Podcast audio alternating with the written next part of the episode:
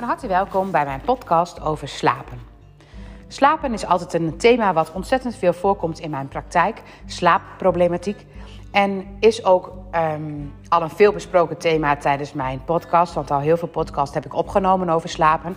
Maar nu was er nog weer een specifieke situatie waar ik de, deze podcast voor op heb genomen. En waar wellicht ook andere mensen nog iets aan zouden kunnen hebben. Nou, het moment dat een babytje geboren wordt, dan is eigenlijk de verandering, dus de verandering van ehm, het in de buik zitten, zeg maar in de baarmoeder zijn, in een veilige omgeving zijn, naar op de wereld komen, zeg maar, al een hele grote verandering. Wat voor kinderen soms al een ontzettende overgang is, waar alleen al onrust bij ontstaat. Het moment dat een bevalling heel soepel en vlekkeloos verloopt, is het alsnog een live event. En heeft het alsnog ontzettend veel impact. En ja, moet je er eigenlijk van bij komen. Zoals een dier eigenlijk doet in de natuur.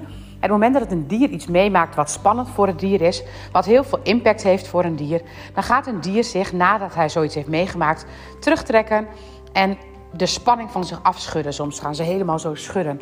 Oftewel, ze staan erbij stil dat iets heel spannend en heel heftig is geweest. Nou, wij zijn als mensen dat in heel veel situaties al bijna vergeten. Eigenlijk hebben we zoiets van, nou, hoppak idee, dat is geweest, hartstikke mooi en we gaan weer door. En een, kind, een dier blijft daarbij stilstaan. Nou, en eigenlijk heeft een kind het ook zo nodig om bij dat soort dingen stil te staan. Het is zo goed om ons even bewust te zijn van het feit wat een kind wel niet meemaakt en wat je ook als ouder hebt meegemaakt wanneer, je door een bevalling, wanneer een bevalling plaatsvindt. Het moment dat je weeën gaat krijgen en er komt een spanning van, oh, straks komt het kindje. Misschien waren er ook al ervaringen in het systeem dat zo'n geboorte echt nog niet, dat dat niet van het leien dakje gaat, dat het best wel een pittig iets is. En al die spanningen, die horen bij de geboorte. En al die spanningen zitten ook in je systeem en moeten er even uitgeschud worden. Dat een kind de eerste twee weken vaak heel rustig is, is ook echt bijkomen van zo'n bevalling. En daarna kunnen, kan het echte landen gaan beginnen. Het landen om te kunnen begrijpen dat, ze, dat het hier ook veilig is. En die veiligheid bieden, in heel veel gevallen is het gewoon voldoende als je gewoon nou, de tijd neemt, zeg maar, dat een kindje kan landen. Dat een kindje niet meteen heel veel prikkels krijgt. Dat er rust is om zich heen. Dan kan een kind langzaam landen. Maar niet ieder kind is daar zo geschikt voor. Maar ook niet ieder ouder heeft het op die manier, zeg maar, direct onder de knie. Hoe je weer rust in het systeem kunt brengen. Want het moment dat je bijvoorbeeld denkt dat je het allemaal heel goed moet doen. Of het moment dat je heel veel lichamelijke klachten hebt. Of het moment dat je eigenlijk niet zo goed tegen het slaapgebrek kunt, wat er wel een klein beetje bij komt. Of het moment dat je hormonen nog van alle kanten op gaan, dan zijn er allemaal systemen in je lijf die je niet herkent en die eigenlijk wel een bepaalde onveiligheid met zich meebrengen. Het moment dat ik wat minder lekker in mijn vel zit, dan wil ik eigenlijk wel heel graag dat mijn lijf weer normaal gaat doen, dat er weer een normale situatie is. En dan word ik onrustig van het feit dat mijn systeem niet helemaal is zoals ik gewend ben dat mijn systeem is. Nou, dat is eigenlijk ook zo in de eerste fase na een bevalling. En dat is ook helemaal niet erg. En wat heb je dan nodig? Dat je erbij stil kunt staan, dat je daar rust voor hebt, dat je mensen hebt die je daarin begrijpen, dat je dat allemaal kunt zien. Maar wat we heel vaak doen, is doorgaan. En maar doorgaan en maar doorgaan. Nou, als je naar een babytje kijkt, dan heeft een babytje een bepaalde veiligheid nodig. Die veiligheid, die vindt hij in principe door uh, ritme, reinheid, regelmaat, dicht bij papa en mama te zijn, de geluidjes misschien van papa en mama te horen, een veilig knusgevoel te hebben, een warmtegevoel, genoeg voeding krijgen op de juiste momenten dat je voeding nodig hebt. Nou, weet je, al die basisveiligheden, die basisbehoeften, die moeten eigenlijk bevredigd worden om je veilig te voelen. En het moment dat ik samen met iemand ben en die persoon heeft een bepaalde onrust bij zich, dan ben ik daarmee samen en dan kan ik heel moeilijk, dan ben ik steeds een beetje gefocust, hoe is het met de ander? Hoe gaat het met de ander? En dan is het moeilijk om het gevoel van totale bevrediging en rust bij mezelf te vinden. Want die ander is onrustig. En als die ander onrustig is, waarom is dat dan? Meestal, als je onrust bij de ander vindt, dan wil je eigenlijk wel weten waarom die onrust er is. Nou, als ik hier iemand heb die onrustig is, en ik denk dan van, goh, weet je, hoe kan dat toch, die onrust? Dan ga ik zoeken naar steeds antwoorden. Op dat moment ben ik aan het zoeken en dan wil ik dus heel graag dat die onrust weggaat. Het moment dat ik weet dat die persoon bijvoorbeeld onrustig is omdat hij morgen jarig is, dan laat ik het gelijk los. Nou, dit is eigenlijk een beetje hetzelfde als wat er met een baby gebeurt. Een moeder en een kind zijn onwijs met elkaar verbonden. Ze zeggen ongeveer tot de eerste negen maanden, maar natuurlijk is het het hele leven zo. Maar de eerste negen maanden is het gewoon zelfs op afstand voelt een kind hoe het met een ouder gaat. Nou, het moment dat je als moeder een bevalling hebt meegemaakt, dan is dat intens. Ook als vader is dat natuurlijk intens. Maar het moment dat het heel veel impact op je heeft gehad, dan is het belangrijk om die onrust los te gaan laten. Om dat systeem weer rust te gaan geven. Want als jij die onrust los kunt laten, dan kan je dan um, kan het kind ook voelen dat jij rustiger bent. Het moment dat je eigenlijk die onrust nog bij je hebt, dan voelt een kind ook die onrust. En jouw onrust wordt de onrust van het kind. Dus dat is gelijk. Nou, het moment dat je bijvoorbeeld um, van alles dat je denkt van nou weet je, als ik eerst maar eens de boel op de rit heb, dan kan er ontspanning gaan komen. Ja, dan heb je dus eigenlijk een soort voorwaarde waaraan voldaan moet worden om rust te gaan krijgen. Nou, dat maakt het alleen maar onrustiger, want jij moet van alles bereiken om uiteindelijk die rust te gaan krijgen. Terwijl het er eigenlijk om gaat dat je gewoon rust vindt in de situatie waar je in zit. En als je daar rustig over kunt zijn, dan gaat een kind ook rustiger worden.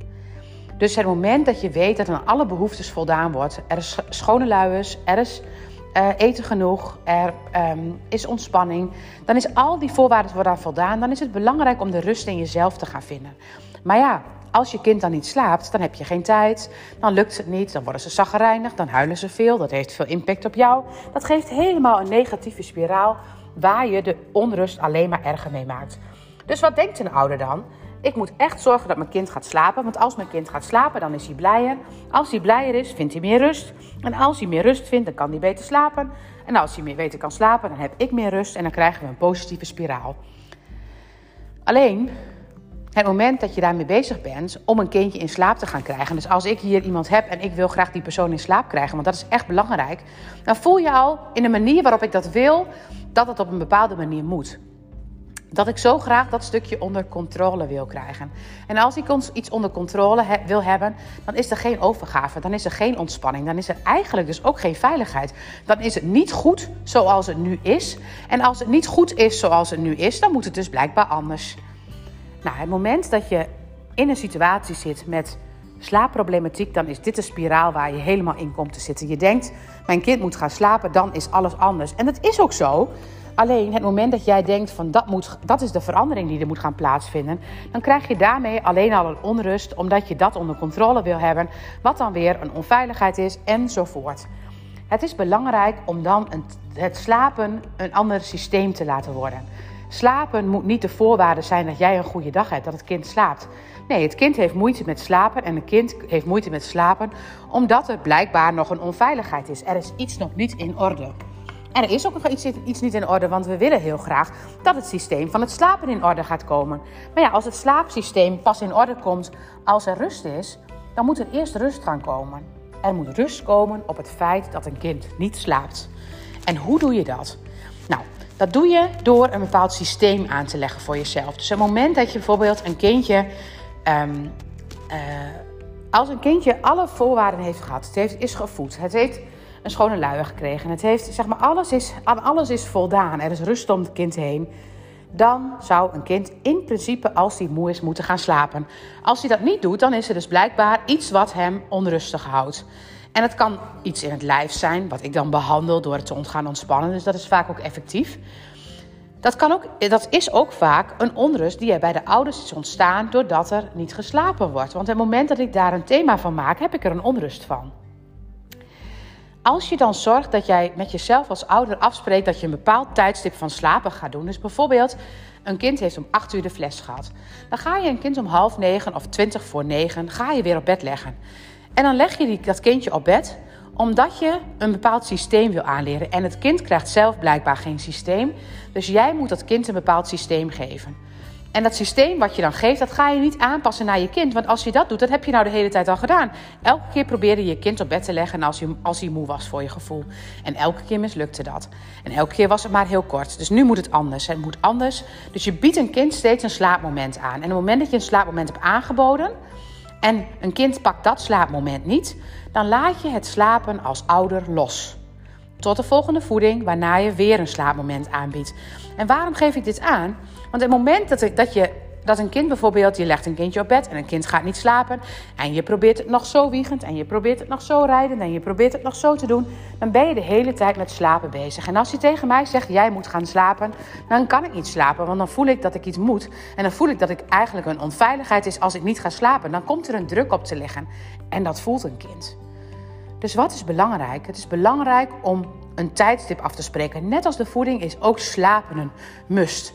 En op het moment dat je een kind steeds dat in het ritme op die manier doet, dan gaat het kind in dat systeem komen. En sommige kinderen niet direct, dus je moet er ook geen wonderen van verwachten. Maar de grootste magie zit hem niet in dat ritme bieden, maar de grootste magie zit in het loslaten van het slaap, moeten slapen tussen die voedingen door. Dus op het moment dat er voeding in zit en je wacht ik zeg nu even een half uur, maar dat zeg ik omdat heel veel kinderen, als ze dan lekker een buikje vol hebben, makkelijker kunnen gaan slapen. Maar sommige kinderen doen het beter na een uur of misschien na anderhalf uur. Maar maak er een tijdstip met jezelf van. Ik zou het zo vroeg mogelijk na de voeding doen, want dan is het buikje lekker vol. En wat je zo moet doen is wakker wegleggen. Een kind moet zelf in slaap vallen. Want stel je voor, ik zou nu bij iemand op schoot in slaap vallen. En ik lig daar heerlijk te slapen. En, en die persoon legt mij weg. En ik word wakker en ik ben alleen. Stel je voor, ik had een onveiligheid en ik wilde heel graag in slaap vallen bij iemand op de arm. En dan word ik weggelegd. Dan is dat een supergoeie reden om daarna niet nog een keer weer in slaap te gaan vallen. Want het kan heel goed zijn dat je weer weggelegd wordt. En als je weggelegd wordt, dat wilde je niet. Dus om dat systeem te doorbreken, moet je ook niet in slaap wiegen. Probeer een kindje wakker weg te leggen. Maak het desnoods wakker als het dan lekker bij je in slaap gevallen is. Want dat mag heus wel een keer, maar je maakt het wakker en dan leg je een kindje weer te slapen. En dan zeggen heel veel ouders nu: ja, maar ja, dan zijn ze weer wakker. Ja, maar misschien wel omdat jij dan vindt dat ze dan moeten gaan slapen. Of dat je dat heel graag wil dat ze gaan slapen. Maar dan leg je er zelf te veel druk op. Dus het thema moet eraf. Het thema van het gaan slapen moet eraf. Want dat voelt een kind. En als je dan een kindje hebt weggelegd, wakker hebt weggelegd, dan gaan ze vast en zeker de eerste keer niet slapen. Dat weet ik. En dat weet ik ook echt heel goed. Dus het is niet zo dat ik zeg van goh, dat lukt dan vast. Nee, maar je gaat ze neerleggen en je laat ze even liggen. En je spreekt met jezelf een tijd af, bijvoorbeeld een halve minuut. Want het hoeft echt niet lang, want een kind heeft geen tijdsbesef. Dus het gaat niet over tijd. Maar het gaat wel over actie-reactie. Dus als een kindje huilt en je bent na een halve minuut, zeg maar, heb je het idee van, nou, die, die gaat nog niet slapen, dan ga je er weer naartoe. En dan troost je even, maar je pakt ze niet uit hun bedje. Ze moet echt even slapen, ga je dan even benoemen, want dit, je hoort eventjes dus gaan slapen. Nou, je legt het knuffeltje weer goed, je doet misschien een muziekdoosje even aan en je gaat weer weg. Om vervolgens misschien wel weer heen te moeten, omdat ze nog niet in slaap gevallen zijn. Helemaal niet erg, dan ga je er nog een keer naartoe. En dan doe je nog een keer hetzelfde. En dat doe je drie keer. Want waarom doe je dat bijvoorbeeld na drie keer? Als je voelt dat het dan na een paar keer vaker, dat het dan echt dat een kindje in slaap valt, dan doe je het vaker hoor. Maar spreek met jezelf een hoeveelheid af. Spreek met jezelf een tijd af. Want als je dat allemaal helemaal duidelijk hebt, dan is het niet zeg maar dat als een kind huilt dat je een kind gelijk pakt. Want dat leren ze. Als ik huil, word ik gepakt. Nee, als ik huil, dan komt mama even bij mij om eventjes te troosten. En dan krijg ik een speentje er weer in. En dan heb ik weer een mogelijkheid om te gaan slapen. Er zit er geen logica van ik word gepakt als ik ga huilen. Dus je doet dat drie keer. En drie keer, dat is voor een kind niet te onthouden. 1, 2, 3, dat kunnen ze nog niet. En ook een halve minuut of een half uur of anderhalf uur. Dat weet een kind ook niet. Dus doe het dan een halve minuut of doe het desnoods een minuut als je het gevoel hebt dat het even nodig is. Want sommige kinderen hebben het even nodig om te gaan huilen. Als je dat tijdstip hebt vastgehouden en je bent er drie keer geweest en een kind gaat niet slapen, dan laat je het slapen los. Oftewel, je gaat gewoon maar iets anders doen. En ga dan in de periode dat je dit even aan een kindje wil leren ook echt even doen. Ga wandelen, maar niet wandelen omdat het kind moet slapen. Laat het los. Ga boodschappen doen omdat je gewoon even boodschappen moet doen. Niet bang zijn voor prikkels, want dat maakt niet uit, want ze hoeven op dat moment niet te slapen. Pas bij de volgende voeding ga je weer het thema slapen erin brengen. Dan ga je een kindje weer op die manier in bed leggen. En dat doe je elke voeding. En op een gegeven moment, als jij steeds het aanbiedt na de voeding, ga je als je mij steeds om twee uur op bed legt, word ik op een gegeven moment om twee uur, word ik op een gegeven moment moe. En dan val ik gewoon uit mezelf in slaap. Oftewel, als je een kind steeds leert een half uur of drie kwartier na de voeding op bed te leggen, dan komt er een bepaald systeem en dan gaat een kind op een gegeven moment gewoon in slaap vallen op dat moment. Maar jij moet het slapen tussendoor loslaten. En ik weet, dan wordt een kind soms super vervelend, maar misschien wordt het dan niet meer vervelend als je een stukje rijdt. En misschien wordt het kind wat super vervelend en weet je er echt niet meer. Dan ga je maar even bij iemand op visite. Of dan ga je moet even iets anders doen. Je gaat niet meer bezig zijn met het slapen. Niet bang zijn dat je geen ritme krijgt. Jij geeft ze op dat moment een ritme. En op die manier ga je steeds die veiligheid bieden. En die veiligheid bieden, zeg maar, in de structuur brengen. Dan moet je echt even een poosje volhouden. En je moet ook daartussendoor niet bezig zijn met slapen. Niet bang zijn dat het niet goed komt. Want op het moment dat jij bang bent dat het niet goed komt, leg je er zelf een te groot thema op. Blijf in je systeem en ga het steeds weer aanbieden. Een kind wat, mijn derde kind, zeg maar, kon niet slapen op haar eigen tijd. Die moest slapen op mijn tijd, want die moest mee naar school. En moest tussen de middag moesten we nog op en neer. En, het, en Rosanne sliep het beste. Want die kreeg van mij een bepaalde tijdstip dat ik haar steeds in slaap bracht. Omdat het gewoon moest. Of ik bracht haar naar bed en dan moest ze gewoon slapen. Dus die sliep ook. Die ging, viel gewoon uit zichzelf in slaap. Want ik had geen keus. Ik had geen keus. Zij had geen keus. En daardoor ontstond het ook. Dus probeer daar relaxed over te blijven. En ik weet dat je bij een eerste kind... dat je heel makkelijk eindeloos op de bank kunt zitten.